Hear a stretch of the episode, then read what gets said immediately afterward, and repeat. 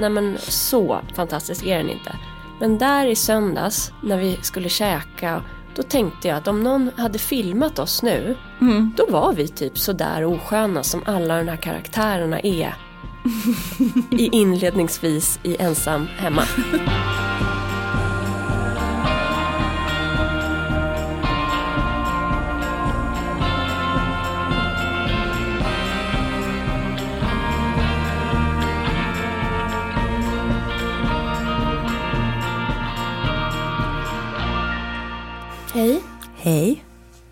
Fin tröja. Jag har fått ärva den av Jackes mamma. En ny favorit. Verkligen fin. Den är beige med bruna streck i olika partier och liksom. Mm. Den har en väldigt perfekt polo och eh, är så lagom stor. Ja, jättehärligt. Ja. Hur mår du? Eh, jag mår ganska bra. Mm. Hilma har varit sjuk, eller Hilma är sjuk. Så igår var det vabb-dag. Mm. Det var halvmysigt tills hon började gråta och bara grät ohejdat i typ en och en halv timme. Du bara, det är inte mysigt längre nu.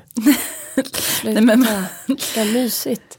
Eh, Hon brukar liksom inte gråta, så man- jag blev faktiskt lite orolig. Men det gick över. Plutt. Mm. Ja, jag har ju också en förkylning som aldrig släpper. Men du måste berätta vad du har gjort nu innan Nu ska ni få sändning.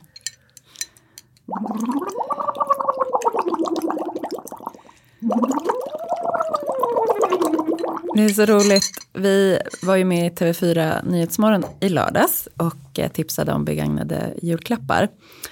Eh, och så var Jill Johnson där innan och eh, lärde Jenny Strömstedt. Stett. Alltså jag kan inte lära mig ändelser. Jenny Strömstedt. Hon är programledare vet på Nyhetsmorgon. Hur man liksom värmer upp luft, alltså hur man eh, sjunger upp utan att gå runt och skråla. Då har man som ett litet glasrör i vatten. Så sprang jag liksom in till Elin när jag såg detta och var så här, Elin, du måste testa det här eh, uppsjungningssättet. Och så visade det sig att du hade ett sånt där rör redan. Ja, därför att vi, eh, vår klippare Jonas får ju eh, titt som tätt eh, liksom klippa bort när jag gör någon harkling eller så för att efter en kvart är min röst igång. Just den här dagen är min röst liksom, den, det är orättvist att döma den. Men eh, jag sa det till Jill. Eh, dels sa jag vad snygg du är för hon, hon var så stilig. Men också vad roligt, sånt där rör har jag också men jag använder det inte. Och det är ju sådana där personer man verkligen ska ta rygg på. Eh, hennes yrke är ju rösten. Ja, precis. Så eh, nu, nu plötsligt, eh, hon är min röstinfluencer så nu håller jag på som fan med det här röret. Det ska ju mjuka upp Ja. stämbanden och slemmet och allt sånt. ja, som vissa har.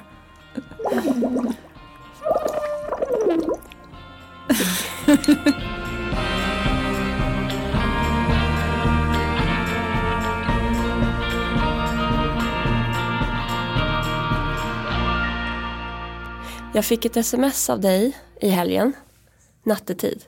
Nattetid mellan lördag och söndag. Mm, och då, jag ska se här om, det, om jag kan läsa exakt vad som stod för det var fint. Här. 03.36. Jag vill prata om musik och döden på tisdag. Om att bli vuxen på riktigt i oändliga sjukhuskorridorer med det nyfödda livet mot kroppen och att vara sina barn, sig själv och sina föräldrar på samma gång. Mitt i livet, hur det är och varit för dig. Vad sorg är och hur lätt svårt det är att släppa taget och varför. Om krav och hur det förändras, förvandlas, upplöses. Lösa tankar från en säng till en annan. Och så kommer också, också om det är bättre att gråta ensam eller tillsammans och varför? Jag svarade, låt det fint, jag är på. Ja. Ett, så tänker jag att du har varit med människor som du har pratat eh, djupa grejer med här tidigare på kvällen. Alltså jag hade varit ute och ätit eh, födelsedagsmiddag för en god vän. På Wood Stockholm, så himla trevligt. Jag måste bara säga det. Väldigt hemtrevligt. Ja, är det det? Hemtrevligt. Ja, men det är hemtrevligt för att personalen är så himla härlig och det är trångt och eh, högt i tak. Oh, förlåt, nu, nu föll micken mot mig. Ja, för att om man skulle se inredningen eh, utan människor i Mm. så kanske man inte skulle tänka att den var hemtrevlig. Det är så här ugly cute och Åsa Jungelius och lite så, lite liksom tuffare. Tuff, tuffa, tuffa kidsen. Ja. Men jag, det liksom satt en italiensk familj bredvid oss med två välartade barn som var så här supergulliga och så här härlig blandning av folk. Det var en bra kväll. Det var en jättebra kväll. Och sen när jag cyklade hem genom liksom snön Ja. och lyssnade på P3 Musikdokumentär om Kate Bush. Ja. Så var det en låt som inte jag lyssnat på så mycket tidigare som jag fastnade för som de spelade där. Ska vi spela den nu? Det vågar inte jag för då kanske vi måste betala till STIM. Nej, det finns något här. Vi, Jonas, vi testar och annars så tar vi bort den. Vilken låt är det? Woman's Work.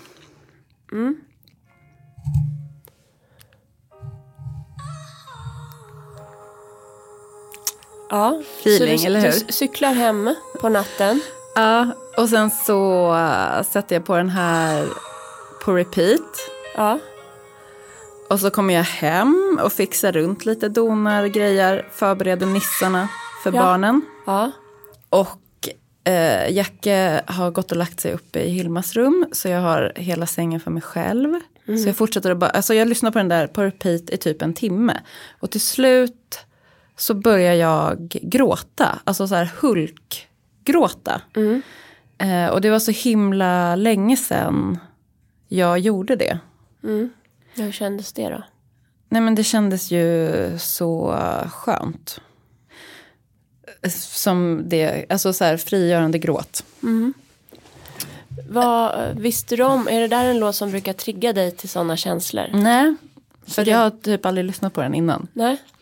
Och eh, jag kollade aldrig upp texten. Men det är ju någonting om, om saker man borde ha sagt och Okej. så. Jag tror att den handlar om döden. Ja. I mitt huvud så började den i alla fall handla om döden och jag började tänka väldigt mycket på min pappa. Och det har säkert att göra med att det är juletid och sådär. För nya lyssnare så gick din pappa bort för hur många år sedan? Eh, fyra år sedan, 2018, fyra och ett halvt år sedan. Och det är så konstigt tycker jag med sorg eller liksom att leva med döden för att den finns ju där hela tiden. Eh, även om man oftast, alltså oftast så är inte det särskilt närvarande för mig. Nej, det går ju inte. Jag, jag tror att det är något inbyggt i oss att det går inte att i normala fall, alltså de många stunderna, gå och ha en tanke på döden. Det är, inte, det är inte effektivt för vår fortlevnad som liksom art typ. Nej, Men sen kommer det ju stunder, en låt eller en begravning eller Mm. en film som bara eh, öppnar en dörr.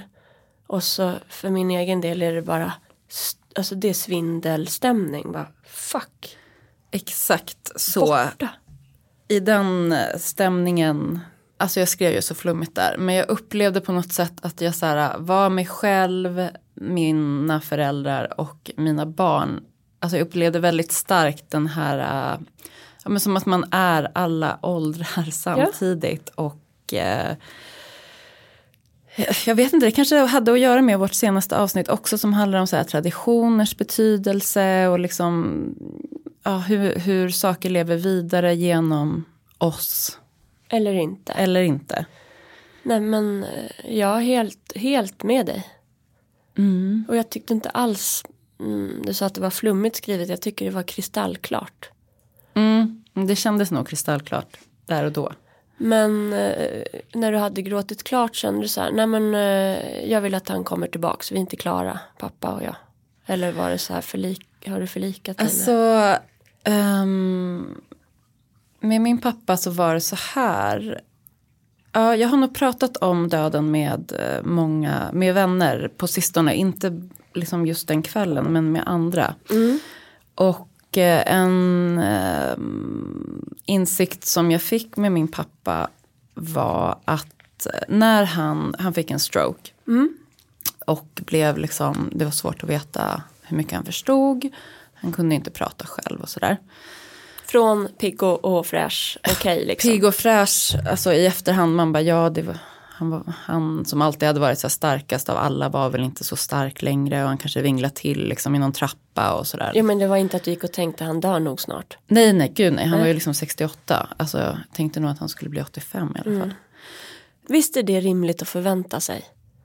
Minst ja, faktiskt. Alltså, min, gärna 90 liksom. Ja. Mm. Det, jag tycker faktiskt det. Ja. Bara, ja men det är bra att vi är överens där. Mm. Uh, så han fick en stroke. Han fick en stroke och då var det som att så här, vi har absolut ingen helt okomplicerad relation. Och det fanns saker som jag verkligen hade i många år grubblat över och eh, haft problem med.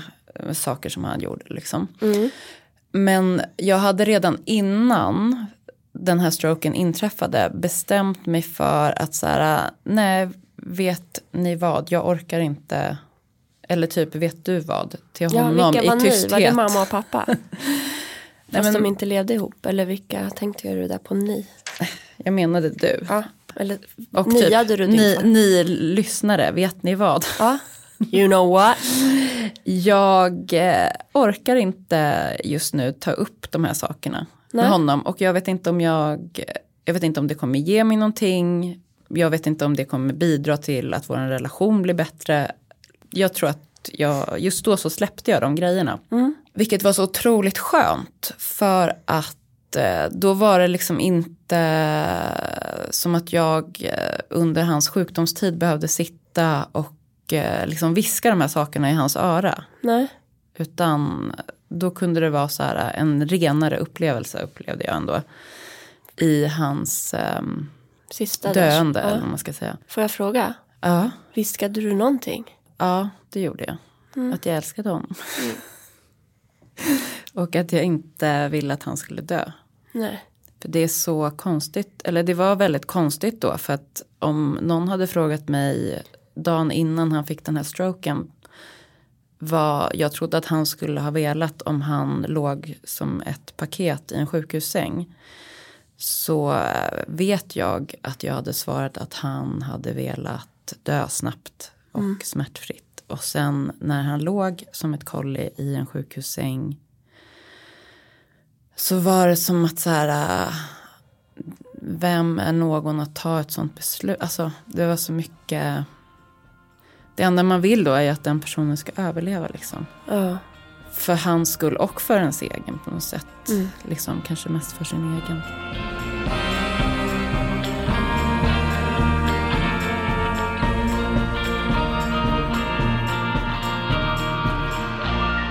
Vi är ju i den åldern nu, tyvärr. Och eh, då när jag pratade med min vän som inte heller hade en helt okomplicerad relation med sina föräldrar. Mm. Så kom jag på vad det var som jag tror bidrog till att det gick liksom att, att det fanns inte så mycket kvar att bearbeta kände jag i vår relation. Utan att den, även om den inte hade varit okomplicerad så kändes den ganska ren just då. Mm. Och jag tror att det var för att pappa pappa aldrig, alltså han krävde liksom inte så mycket. Nej.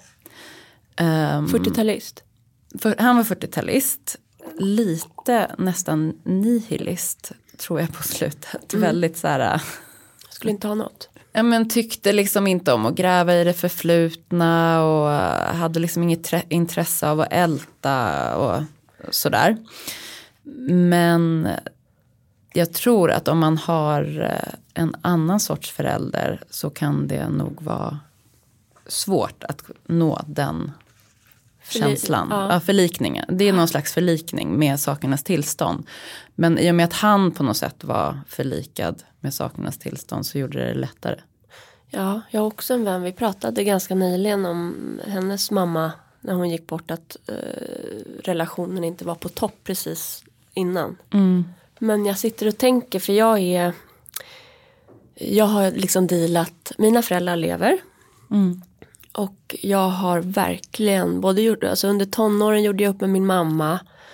Och pappa har jag väl gjort upp med vuxna tonår men framförallt när jag fick barn gjorde jag upp väldigt mycket med de båda två. Mm, på vilket sätt? Kan du prata om det eller känns det? Ja, och så får vi väl klippa om jag känner att jag ångrar mig. Men min mamma, Eva, har liksom från start uh, är den stora tryggheten. Mm. Pappa var det lite upp och ner med uh, när jag var yngre. Men vi har haft alltid en väldigt nära relation. Jag känner mig väldigt lik honom. Mm. Så jag har öppna och nära relationer med båda mina föräldrar. Och sen när jag fick barn så fick jag ju insikt i saker så som hur de hade gjort med mig och mm. mina syskon. Och jag är inte den som liksom spar på grejer utan Dels gick jag i terapi och det var massa saker för jag hade separerat själv eh, och Ingrid mm. var liten och jag var fucked up helt och hållet och jag kom in på mina föräldrar och roller man har och sådär. Man gör ju det eh, när man blir förälder. Man möter ju sina föräldrar i sig själv. Det är ganska obehagligt kan mm. det vara. Mm. Säkert fint också för vissa. ja, precis. Ja. På tal om det där att man är både lilla jag, jag nu och sina föräldrar igen och samma. Ja, precis, verkligen. Men eh, jag skrev bland annat ett väldigt långt brev till de två. Där jag ja, formulerade mig på ett sånt sätt så att jag nådde fram. Mm. Eh, och det där brevet har vi pratat om många gånger men det var någonting det var både kärleksfullt men jättetydligt. De här mm. grejerna är jag arg på. Fick du liksom hjälp att skriva det där brevet? Jag kommer från en familj som har varit ganska sluten och dålig på att prata. Mm. Liksom. Ja men jag anar det när du, hur du beskriver liksom din pappa nu och sådär. Uh, men han var nog ändå den som var bättre på att prata. Ja okej, okay. ja men då så. alltså nu när vi är vuxna så har vi en annan relation, även jag och mamma. Men, eh, men när jag växte upp så var det liksom ganska jag tror jag eh, upplevde nog att ganska många ämnen var tabu. Liksom. Mm. Och jag tror att det har påverkat mig jättemycket. Mm. Eh, till exempel i att jag hela tiden sitter och kallar andra för andra namn och sådär. Ja. jag vet inte, jag tror det hänger ihop. Men, men därför blir jag så, um, i det så, så skapas det lätt en konflikträddhet också. Ja. Um, så jag blir så nyfiken på hur, hur du gick tillväga. Nej, jag fick ingen hjälp. Ja, men det, det pågick, brevskrivandet var ett dokument i min dator och pågick ganska länge. Mm. Och så var det olika incidenter och så, bara saker i livet med mig i, i förhållande till dem allmänt. Som mm. att jag bara, jag måste, det här måste jag lämna över till dem nu. Eh, så nej, det var ingen... Jag tänkte om, om typ din terapeut var så här. Nej, det var på? nog, um, inte vad jag minns. Det, var ju, det här var ju minst tio år sedan. Men det var ju sådana frågor vi, vi pratade om bland annat i ter terapin. Mm. Så att det är ju en hjälp att jag såg dem på något sätt. Att det här var inte rimligt eller ja, det var väldigt skönt. Mm. Så, och sen någonstans där, inte precis, jag skickade ett brev och sen var, var liksom allt bara i harmoni. Men det var också någon punkt jag kom till att så här, de är de, jag är jag. Vi har olika, liksom, pappa en bild av historien, mm. mamma har en, jag har en, min syster har en, mina halvbröder en annan. Det är, det är okej, okay. jag behöver inte, nu släpper vi det här. Mm. Och så känner jag verkligen, det finns inga oförrätter eller det finns ingenting det enda jag kan känna är att jag hoppas verkligen att mamma fattar hur mycket jag älskar henne. Det, det, det vore orimligt om hon inte förstod det så mycket som jag har sagt och visat det. Och jag vet att om, om hon skulle lyssna nu eller sitta, men lilla gumman, det vet ju jag, skulle hon säga. Mm. Men det är bara, mm, det vill jag verkligen att de ska veta. Mm. Och det, jag skulle bara säga då var att nu på andra sidan mm så kanske det, jag hade känt mig lika okej okay ändå. Alltså även om jag inte hade skickat brevet och det där. Bara av att själv gå i terapi mm. och dela med de där sakerna. Kan man ju också få en förståelse kring andra människor och varför man gör som man gör. Och att man kan stå upp för sig själv ändå. Och få någon slags closure kanske utan att man hinner ha det där samtalet. Mm, precis, jag tror ju säkert att, eller det beror på, mm, det måste ju bero på relation. Men Ja. jag tycker att det låter som en väldigt bra idé att skicka det där brevet. Men sen så kan det ju också landa jättedåligt. För det har ju att göra med hur den person, om den personen lyckas ta emot det på det För- sättet som för- var menat. Ja, det här tror jag inte är något, nej det kommer inte vara hemligt. Jag ringer och kollar efteråt. Men de gick i parterapi under den tiden när de fick brevet. Så de läste brevet och jag bad dem, läs det här högt tillsammans med er terapeut. Men gud vad bra. Så det var liksom ett safe room på något sätt. Det, det var inte de två som kunde tolka saker liksom från sitt håll utan det fanns en tredje person där som kunde vara med och säga jag hör det här nu. Jag var ju inte med men Ja, så ja det, det var en bra grej. Fint. Jag tror det, det är en bra grej att få någon slags closure i de flesta relationer i stunden hela tiden på något Mm. sätt. Inte, inte låta gamla oförrätter eller osagda saker skava. Nej. Men, men med det sagt så, så kände ju jag att det var okej att släppa också utan att säga något.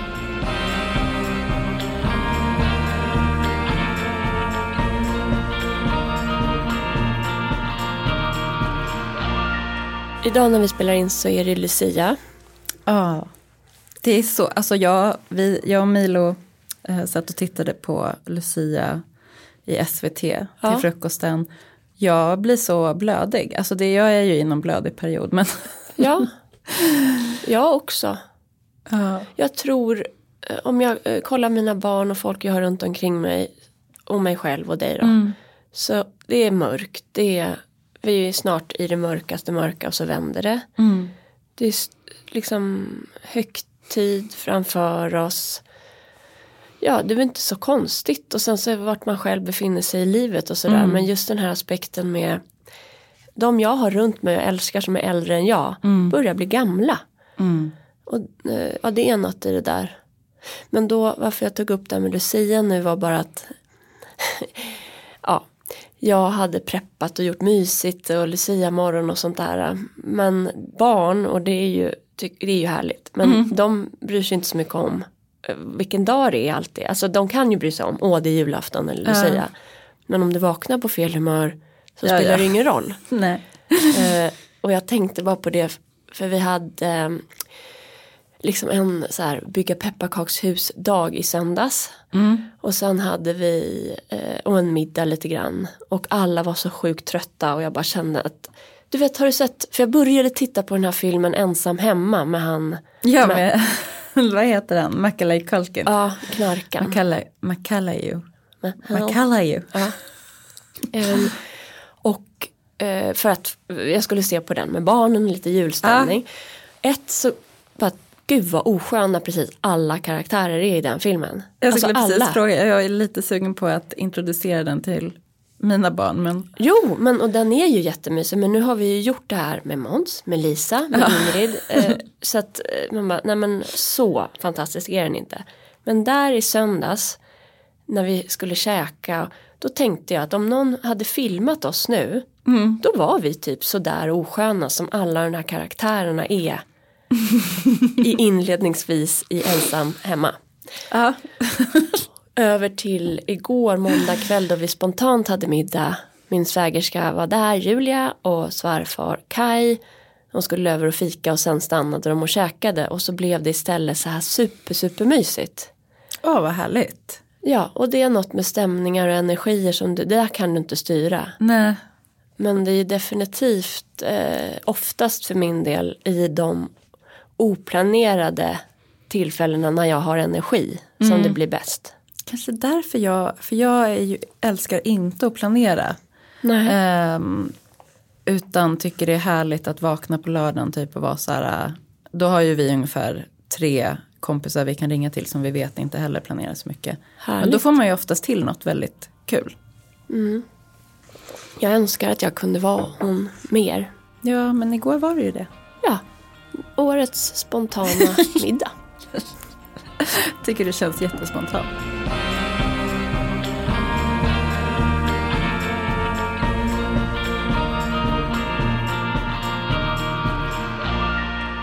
Vi fick en sån fin, eh, ett fint förslag från en tjej som heter Sandra som är lyssnare av, eller till podden. Mm.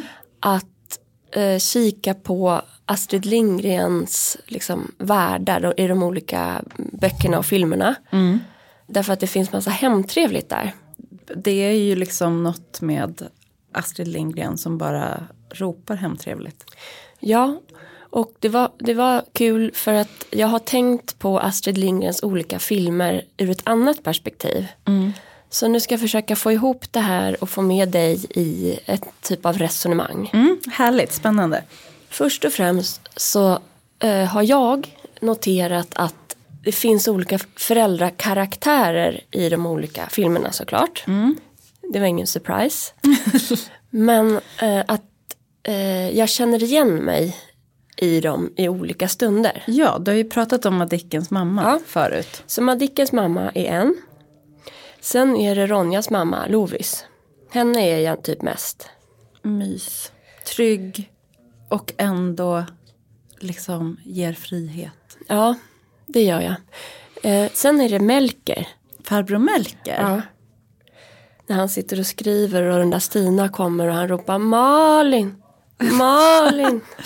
Jag tänker bara på saltet. Salta efter behag. Jag är alltid, jag är farbror Melker varje kväll i köket. är det det? Gör ni Just så med det. bordet? Ja, misstag. Den där marmorskivan sitter ju inte fastsatt. Nej. Nej men och sen Madicken, Lovisa och, och eh, Lovis menar. Och sen är det Emils pappa. Och då, Ja, det vill jag höra mer om. ja jag förstår det. För För han är ju inte, han är inte skön. så skön. Nej, men han försöker så in i helvete. Alltså, jag är då på omgång tre av närskådande av Emil eh, i filmformat nu. Emil gör ju lite tokiga grejer och jag fattar, när ska det här utspela sig? Början av 1900? Vad är det? Ja, men början av 1900 skulle jag gissa. 1900-talet? Ja. Jag trodde det skulle komma 1920. Ja, men början av 1900-talet. Ja. Han har en gård att sköta.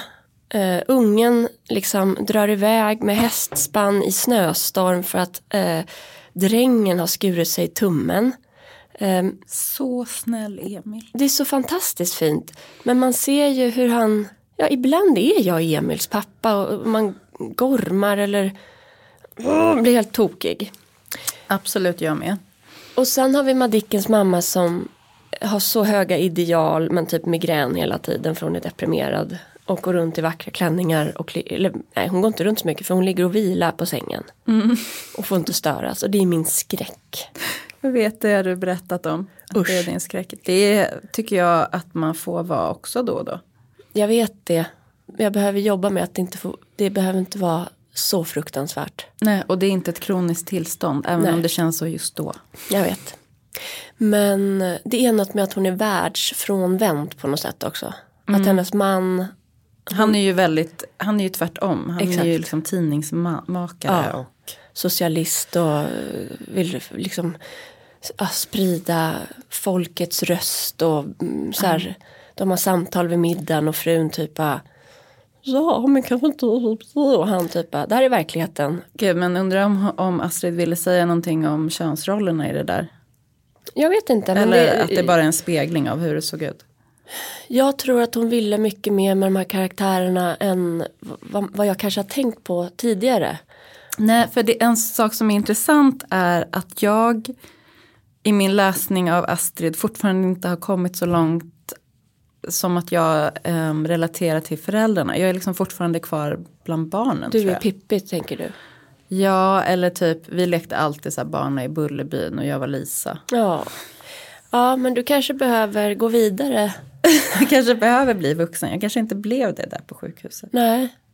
Ja, men jag tror att du kan kika in där. För eh, Lovis, hon är, jag älskar, det finns en scen där hon vrålar typ ut till alla rövarna. Hon blir skitförbannad. Så känner jag nästan varje helg. När folk bara så här, jag vill spela dataspel. Mm, ska, alltså, så här, som zombies här. Då vill jag bara vråla ut. Lek på gatan, gå i skogen. Hej då, ut. Det var ju så när man var liten. Ja. Jag minns att det var så. Ja, Ut. ut ja. Ja. Så henne, ja, där Lovis är jag mycket.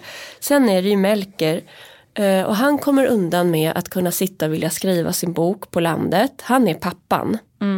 Hans vuxna dotter är Mm. Jag mamman. vet, det är så sjukt. Och hela den här hederskulturen kring henne då. När Ja. småbrorsorna ska så här. Ja, men man orkar inte. Men eh, jag kan då känna igen mig. Jag tycker det är rimligt att Melker är på den här ön och sitter under ett träd med sin skrivmaskin. Och Du får bara, Lisa, kom och ta hand om barnen. Ja. Lisa, hjälp! Tänk om jag hade ropat så. eh, och han kommer undan med det för att det är då och han är man. Ja. Att han, han tycker hans egna barn och andras barn är jobbiga. Ja. Och, och det, det känner jag då och då. Det tycker jag man känner ganska mycket. Att jag vill ropa på någon så här, nej men det här är inte rimligt, hjälp mig. Ta det här du. En sak som jag älskar just nu det är att i vårt område så har eh, vi som en ful liksom, asfaltscirkel. Där alla lär sig eh, cykla på, alla barn lär sig cykla på sommaren och sen på vintern så finns det några eldsjälar som spolar den där. Jag har sett den här platsen, Ja. den är magisk. Där är det nu en skridskobana. Och eh, jag älskar att vara där med eh, Milo och alla de här andra barnen. Alltså att man får, eh, jag älskar att bygga relationer med andra barn. Det gör Faktiskt. du också väldigt bra. Jag har tänkt på det, att du, du pratar med andra barn, mina barn till exempel, som att de är egna människor. De är ju det. Exakt, men det gör inte alla Nej. vuxna. Och det är en jättefin eh, egenskap. Jag tycker om dina barn. Ingrid och Ivar. Olle är lite för liten, jag inte riktigt. Inte- Även Lisa har jag ju Ja. handlat av. Som jag... Ja, men de gillar dig också. Och, och det är, de träffar ju så många vuxna och det är få liksom, som de noterar. Men eftersom du eh, behandlar dem som egna människor så har ju de en relation till dig snabbt. Gulligt.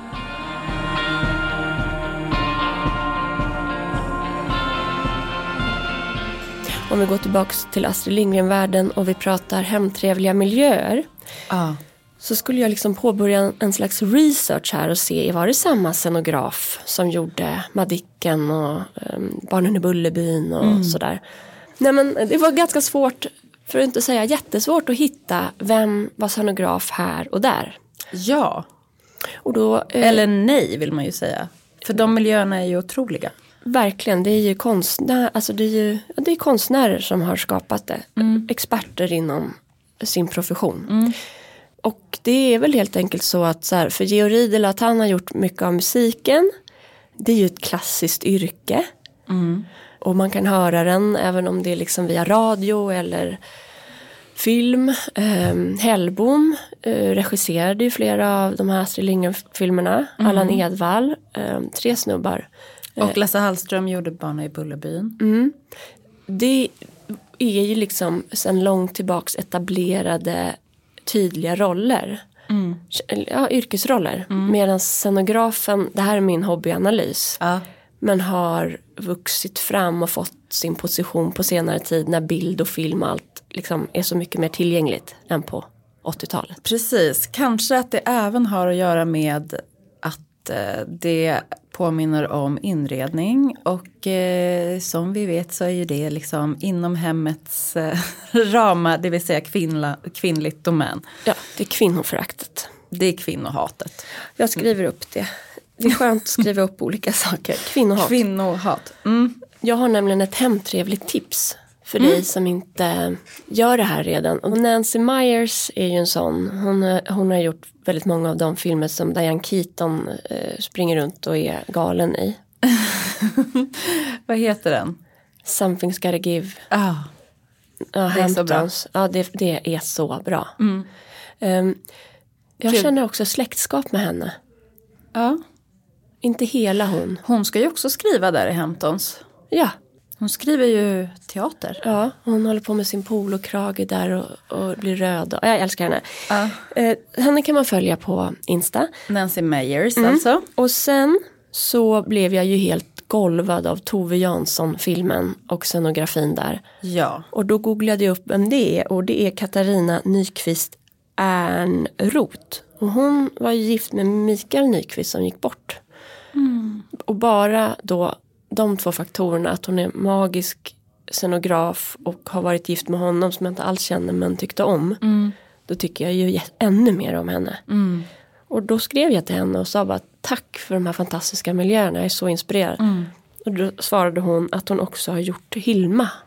Ja, den som jag var och såg. Mm. Och jag har inte sett dem än, hur var de miljöerna och vad var det som Eh, det är ju också liksom sekelskiftesmiljöer.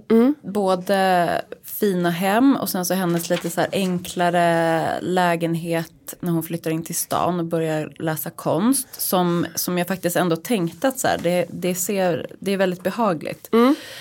Men eh, det är framför allt eh, studiomiljöerna, alltså från hennes ateljé som jag älskar. Vad är det i de, för det är precis samma med Tove Jansson, den här ateljémiljön. Om man tittar nu på bilder så finns det likheter men det är ändå olika världar. Men om man skulle ta detaljer, du vet så här, fixa stilen. Ja, Sådana plocksidor gör ju ni tidningsmakare då det då. gör vi ju. Hur skulle man fixa Hilma i ateljén-stilen?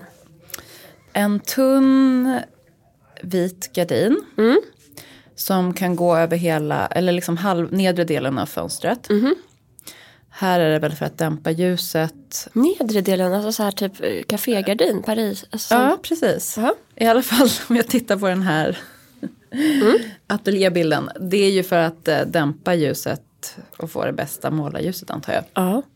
Även om jag gissar att den ligger i norrläge för det ska ju ateljéer göra. Skit i det. Vi pratar om Eh, scenografi. Skomakarlampor. Mm. Ja, ja. Som hänger ganska högt faktiskt. Alltså, annars tänker man ju att de ska hänga lå- lågt ner över typ en köksö. Eller eh, som ni har över eh, arbetsbordet Ja. i Leonardo-bordet i bibblan. ja. Skomakarlampor. Ja. Mera. Lite så här eh, stil, typ överblivna stilmöbler. Som blandas med ehm, bara något mer allmogeaktig trämöbler. Förlåt, jag fattar inte vad stilmöbler är. Ja men du vet så här ny rokoko och Ah, ny ja. renässans och Ja. allt så här, lite svarvat och sånt. Sånt har ju Luke Edward Hall ganska mycket. Ah, just I det. kombo med annat. Mm, hemma i, han, i sitt hem. Ja, och även i, för jag såg han la upp någon bild från deras landställe och studion därifrån, eller ateljén. Och då var det någon rokoko-möbel och en dammsugare bredvid. Det var en rolig mix. Men får jag bara fråga, är det så att de har en lägenhet i, London och sen så har de landstället också? Jag har nog tänkt att de kanske bor där på landet. Nej, Nej. de har lägenhet i stan och så har de det där stället som de köpte för ett par år sedan tror jag. Och varför jag vet det här är inte för att jag är en stalker bara på Insta utan för att eh, Luke har gjort flera samarbeten med Svenskt Hem. Precis. Så vi har träffats den vägen. Ja, Okej, så mixen där, stilmöbler, alltså svarvade rokoko Ja men precis. Pråliga grejer. Ja och lite mörkare trä. och furu. Och furu, fast så här, lite slitet furu. Gärna kanske med lite färgstänk på. Färgstänk, ja. Terrakottakrukor enkla. Med några lite så här spänsliga växter. Spänstigt, vet du vem som säger det mycket? Nej. Lisa-Marie som är här utanför nu och intervjuar Alex. Ja det känns som ett... Spänstigt. Som ett, ja, hon är redaktör på Rum. Precis, vi ska heja och krama henne sen. Terrakotta, men det ska vara spänstiga växter. Bensliga. Spensliga, nej det säger hon inte. Hon säger spänstig. Det Ja, är spän- det här är ju motsatsen till spänstig. Ynkligt helt enkelt. Små ynkliga saker. Alltså, inte riktigt ynkliga men Fragil. alltså, det är inte frodigt. Utan Spänstig. det är spensligt. Ja. Vi Typ- lägger upp en bild på det här tänker jag. För jag ser inte alls. Säg att det skulle vara pelargoner. Då är de inte prunkande utan liksom så här, några grenar hit och dit. Det är alltså pelargoner i mars. Ungefär så ja. Mm. Ehm, det kanske har att göra med norrläget då.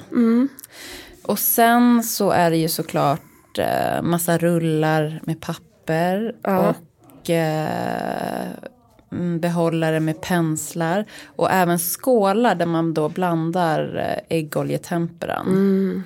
Lite liksom asiatiska inslag. Som här ser jag ett litet parasoll. Ja. Som ett pappersparasoll som, ligger, som bara är som prydnad. Textilier då? Förutom de här vita kafégardinerna. Inte så mycket eftersom det är de här dukarna hon målar på. Ja, hennes som stora. ju tar väldigt mycket plats. Och hon målade ju på golvet. Så det är ju också ett gammalt furugolv.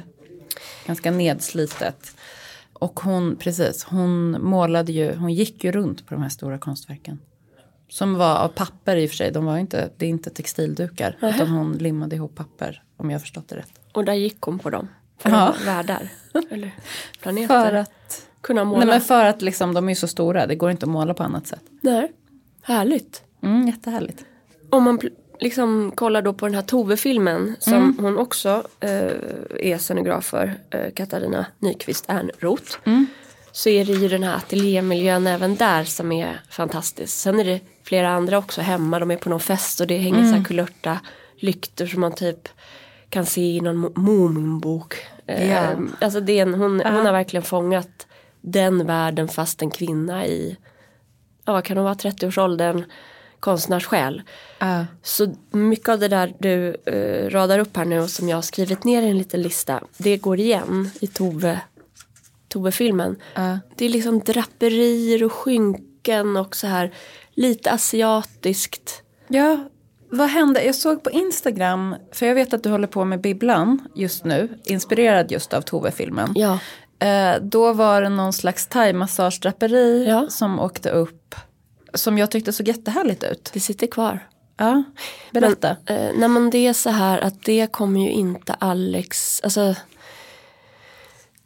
när man lever ihop i ett hem, där har vi pratat om förr, så måste man ju kompromissa, och ge och ta och sådär.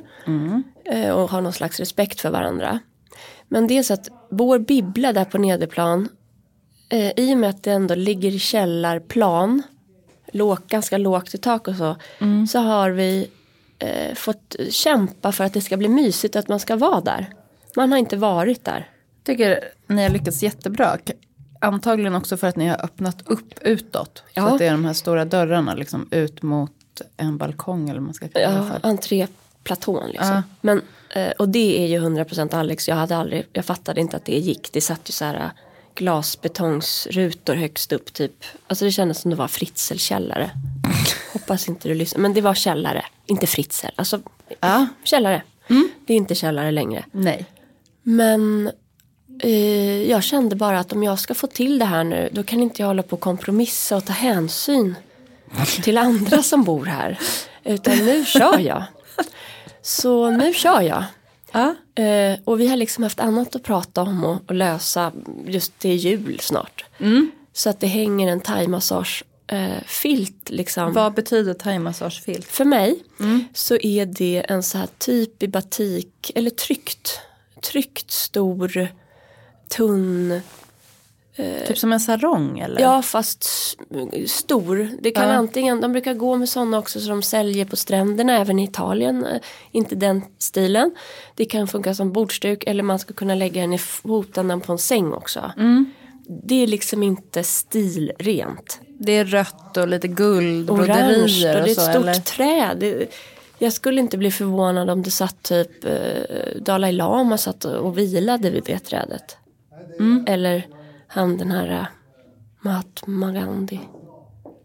Hur som helst, den är liksom Nu är vi i Indien. Ja. way out. Mm. Och jag älskar den. Och nu sitter den fäst med två spikar. Och det är ingen annan som verkar älska den. Men är det någon som har sagt något? Ja, Ingrid säger men gud vad, håller du, vad händer här? Så här? Men det är också för att hon, hon raljerar över mig. Hon känner mig för bra. Ja men Alex har typ passerat. Jag sa något. Haha titta här. Det var ju test. Ja. Och han knappt höjde på ögonbrynen. Det var liksom. Det är inte accepterat det här draperiet. Men det är typ accepterat eller? Jag tror att han inte ser det längre. Så nu skulle jag vilja, eh, jag håller på att googla efter mässingstång på Tradera. Med såna här eh, fästen som går ut. Och så vill jag ha, sätta fast den med ringar. Så det låter kling, kling. Och så vill jag ha ett sånt här omtag med en stor tofs. Ja. Ja, det är jättemysigt.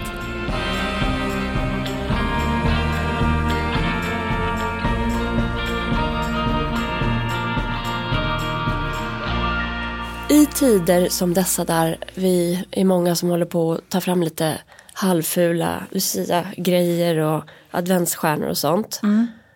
Eh, Även om det har kommit en renässans även i juldekorationer att de ska liksom passa ens estetik. Ja. Så dyker det upp en och annan grej hemma hos mig som egentligen så här är inte liksom gud vad snygg, vilken fin form eller vilken funktion eller den har kanske inget existensberättigande egentligen. Men det är något med att sätta ihop de där bitarna för att man tycker om och bryr sig som gör det hemtrevligt. Som är det liksom kärnan i vad hemtrevligt är för mig. Och eh, jag har skrivit om det någon gång på Insta men att sätta ihop olika så altare.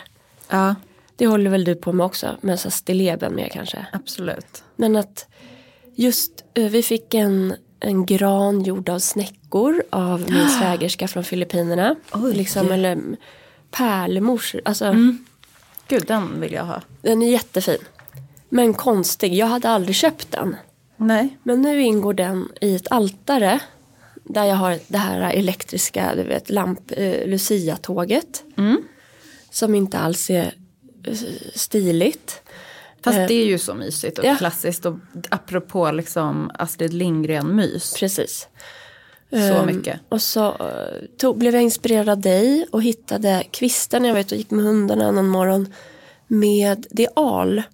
Och så är det Mm. små kottar som sitter kvar. Ja, det är ju alkottarna som jag trodde var lärkträd. De där pyttesmå. Ja. Ja, Jag har okej. det.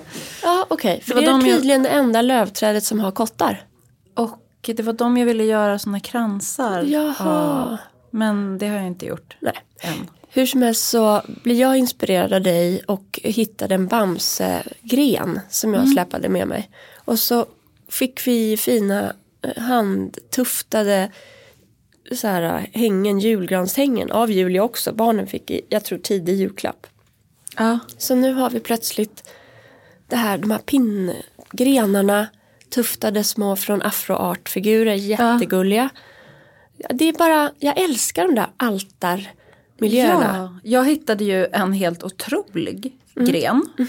som hade liksom brutits av. Jag gick en annan väg mellan förskolan och skolan. Jag skulle Ja, hämta. Den här du har på vardagsrumsbordet. Ja. den var ju magisk. Men nu kommer jag inte ihåg vad den hette.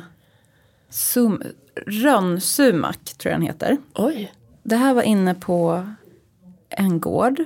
Alltså en gård som man passerar på små vägar. När man går. Alltså inte en, en villa utan en... ett herresäte. Ett, nej, liksom hyresrätter. Ja, och så på deras gemensamma gård låg det en gren från en av deras planterade träd. Ja, det var en jättestor gren. Jag tog en liten del av den där jättestora Jag grenen som ha hade noterat. ramlat ner. Och den hade så här otroliga vinröda hängen. Så Mm. jag kände så här, det här är ju något tropiskt. Det är ett Eh, ädelt. Ja men det är kanske det. Jag la upp det på Instagram och eh, fick typ 50 svar om att den heter rönnsumak. Ja, den tittade jag på i höstas. Eh, Otroligt vacker. Den har alltså de här röda hängena hela vintern. Det här fick Ni- Niklas Villa Sundahl. Ja, Villa tipsade om det där. Vad kul. Och vet du varför jag är på dig och säger att du tog det där nu? Det är för att jag är ju inne på folks tomter hela tiden. Ja.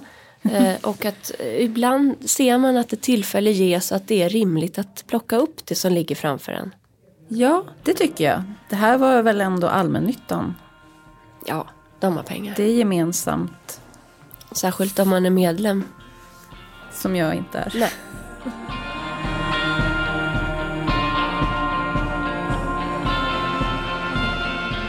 När vi pratar om Astrid Lindgren och Hemtrevligt så måste jag bara få liksom, tipsa om Ilon Wikland. Som ju har gjort illustrationerna till Madicken, till Lotta på Bråkmakargatan.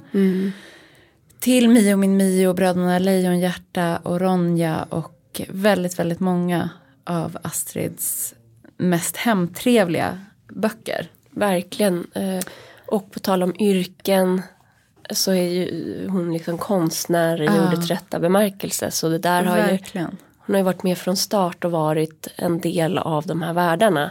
Jämfört med Precis. scenograferna då. Och man kan följa henne på Instagram. Bra så tips. Just nu så finns det jätte, jättemycket mysig eh, julinspiration där. Jaha, vad kul. I så här, jag tror inte det är hon som lägger upp själv. Men någon lägger upp illustrationer från typ Barnen i Bullerbyn och det är väldigt mysigt. Det ska jag in och följa och eh, Tove Jansson official finns det också att följa som är jättemysigt. Men innan vi rundar av här Ja. så har jag tänkt på det där med eh, hemtrevliga miljöer apropå frågan vi fick av Sandra. Ja. Eh, för jag har ju snöat in då via Tove på Muminvärlden. Mm. Och det är också så sinnessjukt hemtrevligt. Verkligen. Och så försöker jag se vad, vad finns det för litteratur för barn idag? Där hemtrevliga går igen. Och då är ju Harry Potter en sån jättefin referens. Men svenska eh, referenser eh, har jag inte riktigt koll på. Och jag vet inte om det är för att jag är alltså återanvänder de böcker jag har hemma. Eh, är konservativ i, i det här på något sätt. Men det skulle jag jättegärna få tips på. Samtida författarskap och alltså, illustratörer som gör barnböcker som är sådär hemtrevliga. Ja, jättebra eh, fråga. För att eh, mina barn, eh, Milo är ju kvar i sin Mumin-period. Liksom. Så att jag inte, vi har inte heller kommit till, till något lite modernare. Nej, för nu, det finns ju så här eh, eh, om eh, en pojke som har, hans mamma, hon har typ haft alla yrken som finns. Hon har varit ambulansförare och brandman. Ja, halvan. ja, kanske, nej, Nej. bojan. Bojan, det är Ja. halvan och bojan. Ja. Och där jag tycker mig se att eh, storyn och det ämnet det handlar om är viktigare än miljöerna. Och sen så finns det en annan eh, där mamman är supermodig. Modig. så när någon, det var är det några fyll, fyllon som sitter på en bänk och lilla barnet, hennes dotter eller son är rädd. Och då går hon fram och säger hej, vad, heter ni? Vet ni vad, när ni vrålar och så här så blir mitt barn rädd. Och hon går ut och står upp för någon som blir retad vid bussen och sånt där. Och sen eh, Gropen, har ni Alltså läst den? Adbågesystrarna, Ja. de tycker jag gör jättehärliga miljöer. Är de härliga? För det, det, det var det som skulle vara mitt alternativ. För Gropen, om ni inte har läst den. Alltså jag älskar gropen. mm, den är ju ens barn, alltså den där dagen på dagis har man ju haft. Ja. När någon vuxen kommer och säger att man inte får göra det enda som är roligt. Ja, exakt. Så, Ehm. och det är också, men det är ju också en stämning och ett perspektiv, barnets perspektiv på något sätt. Och det är inte så, det är blod och det är snor och det är jordigt och lerigt. Det är hemtrevligt för att det påminner om ens barndom. Och att det är väldigt, väldigt kreativt. Alltså det, är, det handlar ju verkligen om barnens eh, längtan efter kreativitet och ut i naturen. Ja. Men till exempel Coco och Bosse har ju, har, nu blandar jag ihop, de är ju två systrar som båda, ibland illustrerar de tillsammans och ibland illustrerar de var för sig och ibland skriver de, ibland skriver de inte. Det här var mer än vad jag visste faktiskt. Min kompis Britta Persson har gjort en skiva med dem, med deras texter. Eh, Folk. För Gropen, då är det Emma Adbåge som har skrivit den. Mm. Och så heter hon Lisen Adbåge tror jag den andra. Okej. Men det, det är så här stökigt och rörigt och så liksom. Ja, Kanske lite mer som Alfons då. Alfons Åberg, men det är ju också det är ju hemtrevligt. väldigt hemtrevligt. Och det är det här då som är min tes. Mm. De hemtrevliga miljöerna i barnbokshyllan Ja. eh, behöver steppa upp.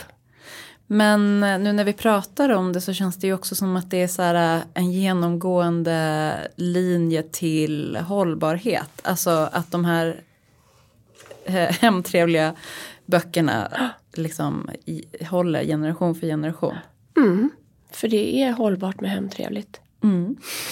Nej, men, eh, och det för mig genast i tanken att jag har, nämligen, har en idé om en barnbok. Såklart du har. Som heter Lillskrot. Det handlar om lillskrot och storskrot. Ja. Och då tänker jag mig, jag messade Evelina och Siri och bara hej, ska vi inte göra en barnbok? Ja. Och så pitchade jag in den. Jag fick inget svar men vi, vi liksom umgicks och drack vin en hel kväll och ingen nämnde barnboken. Så jag får kanske hitta någon annan. Ja, och först och främst ska jag skriva klart de bokidéer jag håller på med. Du har ju några. Mm.